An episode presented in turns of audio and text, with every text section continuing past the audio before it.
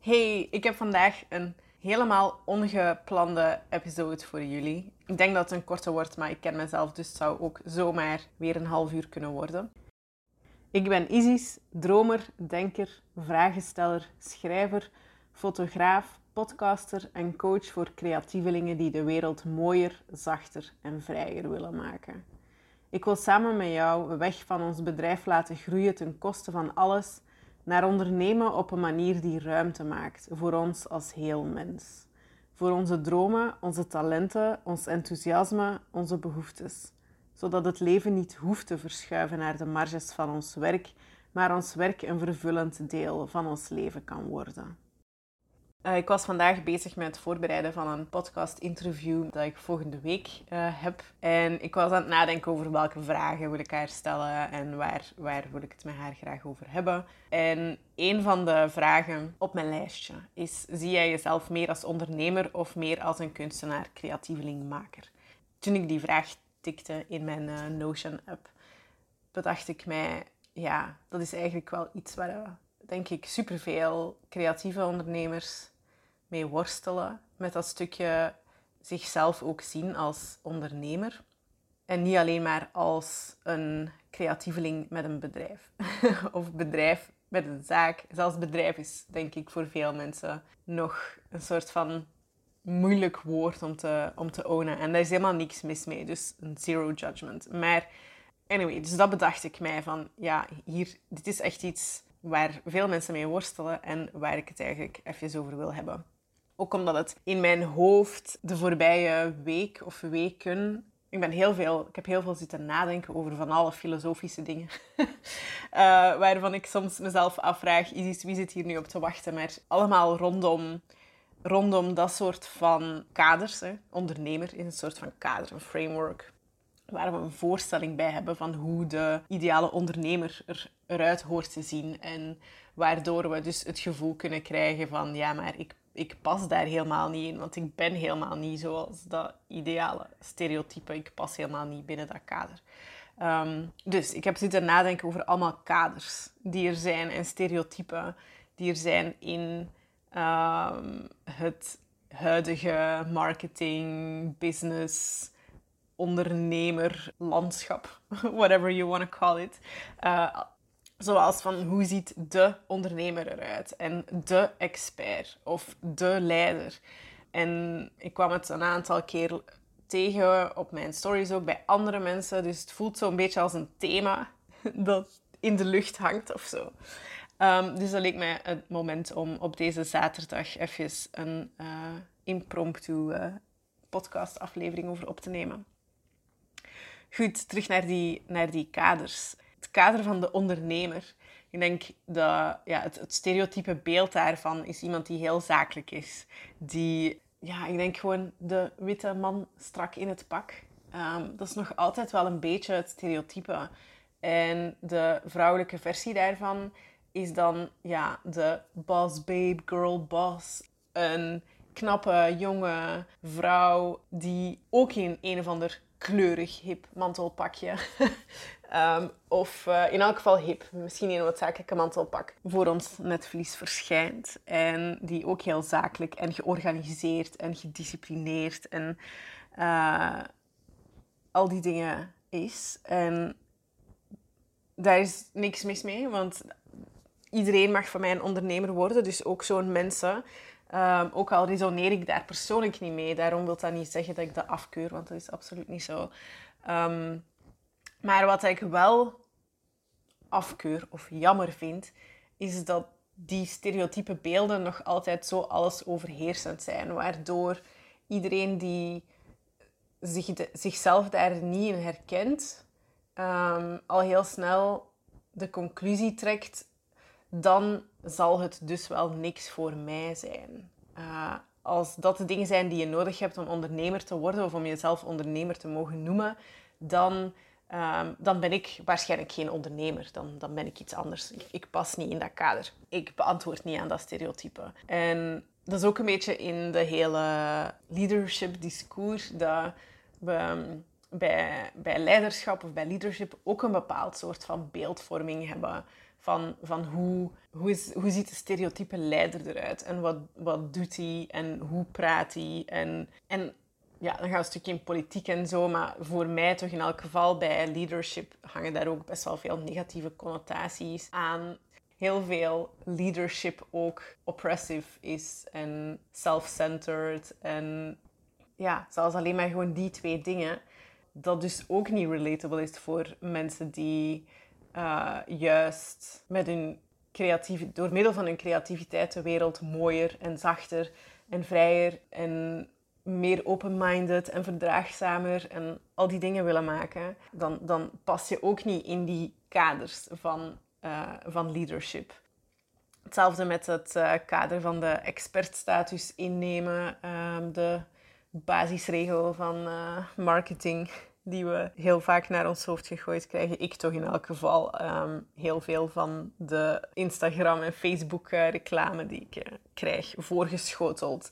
Die uh, draait allemaal om uh, take your leadership position en take the expert state, claim your expert status en dat soort dingen. Goed, het is ook een beetje hetzelfde. Het stereotype beeld van zo de expert die, die we hebben is, um, of ik, die ik heb in elk geval, is zo'n beetje de, de professor. De arrogante, self-absorbed prof, professor die zich ververheven voelt boven alle andere stervelingen. Sorry, misschien heeft mijn tien jaar ervaring aan een universiteit werken daar ook wel iets mee te maken dat mijn beeld daar misschien niet zo um, neutraal en optimistisch over is.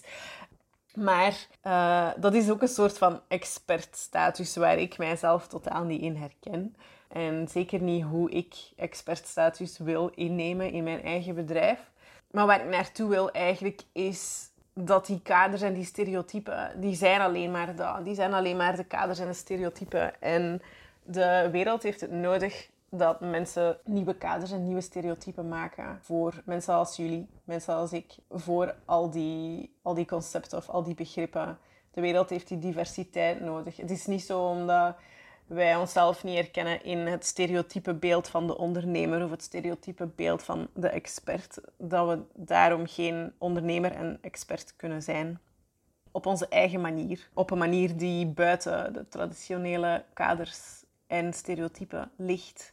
En iets anders dat daar ook nog een beetje bij komt kijken zijn dan zo de, de, de blueprints, de business blueprints en de marketing blueprints en de exact formula for success die alle andere succesvolle mensen in de wereld gebruiken. Ah, die letterlijke zin kreeg ik vandaag ook nog in een Instagram reclame advertentie uh, naar mijn hoofd. Iemand die uh, reclame maakte voor I will share the exact, the exact formula, success formula of the top 10 most successful people in the world with you. En dan heb jij ook gegarandeerd succes. Dat zijn allemaal dat is allemaal een soort van messaging die ons het gevoel geeft van, ja, ik moet dus daarin passen. Ik moet passen in die, in die frameworks. Ik moet passen in die blueprints. En als ik daar niet in pas, dan is er vast iets mis met mij. En dan ben ik dus vast niet voorbestemd om, om dit te worden, om deze plaats in te nemen, om die ruimte te claimen voor mijzelf.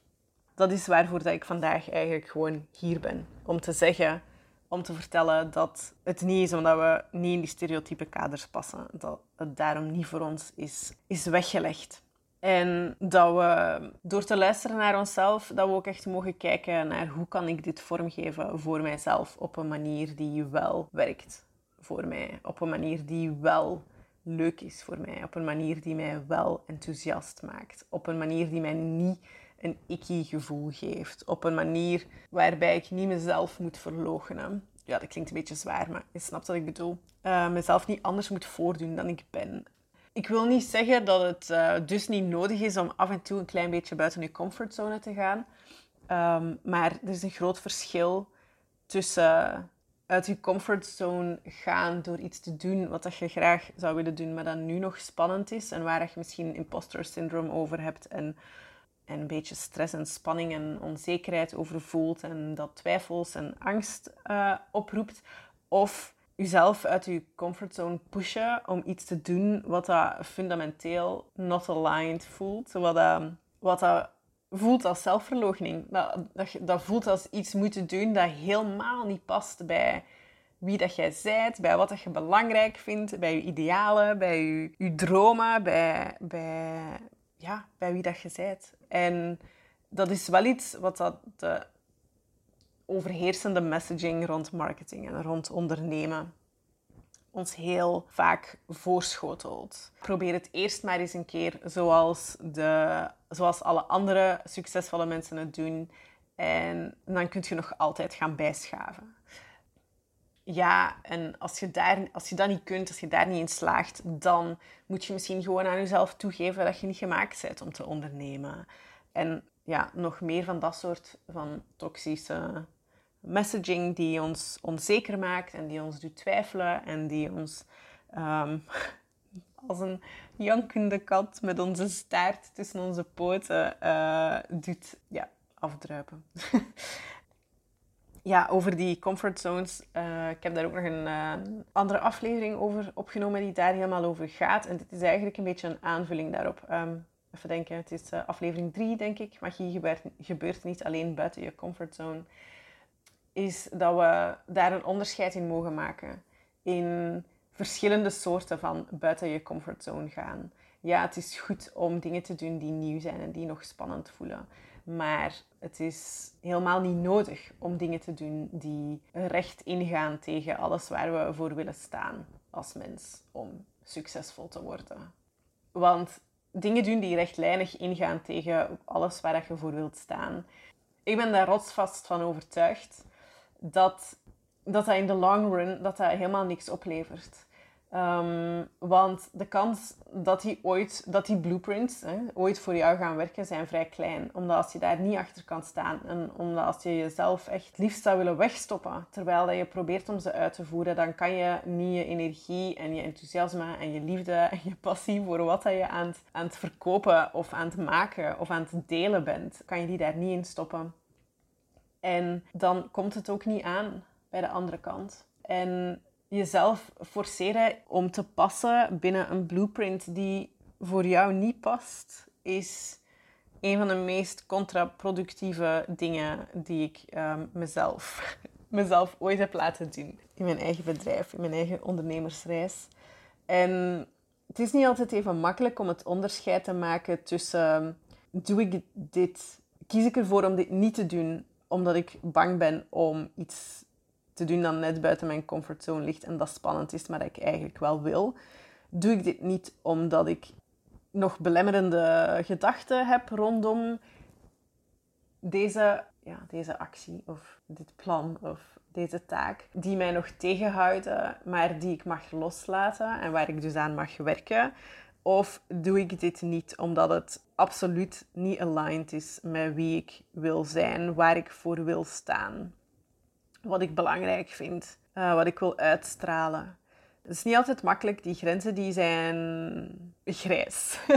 uh, die zijn niet strak afgelijnd en het is, het, is, ja, het is niet altijd even makkelijk om te zien wanneer het nu welk van de drie is die, uh, die aan de orde is of die, um, die op dit moment zich voordoet, maar gewoon jezelf bewust zijn van het verschil tussen die drie en de mogelijkheid van die drie verschillende opties maakt het makkelijker om te gaan onderzoeken bij jezelf van wat is het dat mij tegenhoudt en mag ik, moet ik mezelf even een zetje geven of mag ik mezelf hierdoor laten tegenhouden? Is het niet tegenhouden, maar is het de cringe of de afkeer die je voelt ten opzichte van dat ene ding? Mag, het, mag dat ook gewoon je richting wijzer zijn naar een oplossing die dan wel werkt voor jou. In die zin denk ik dat het, uh, dat mega goed kan zijn om te luisteren naar de cringy feeling dat je soms hebt bij, um, bij dingen die je denkt dat je zou moeten doen of bij dingen die je andere mensen ziet doen.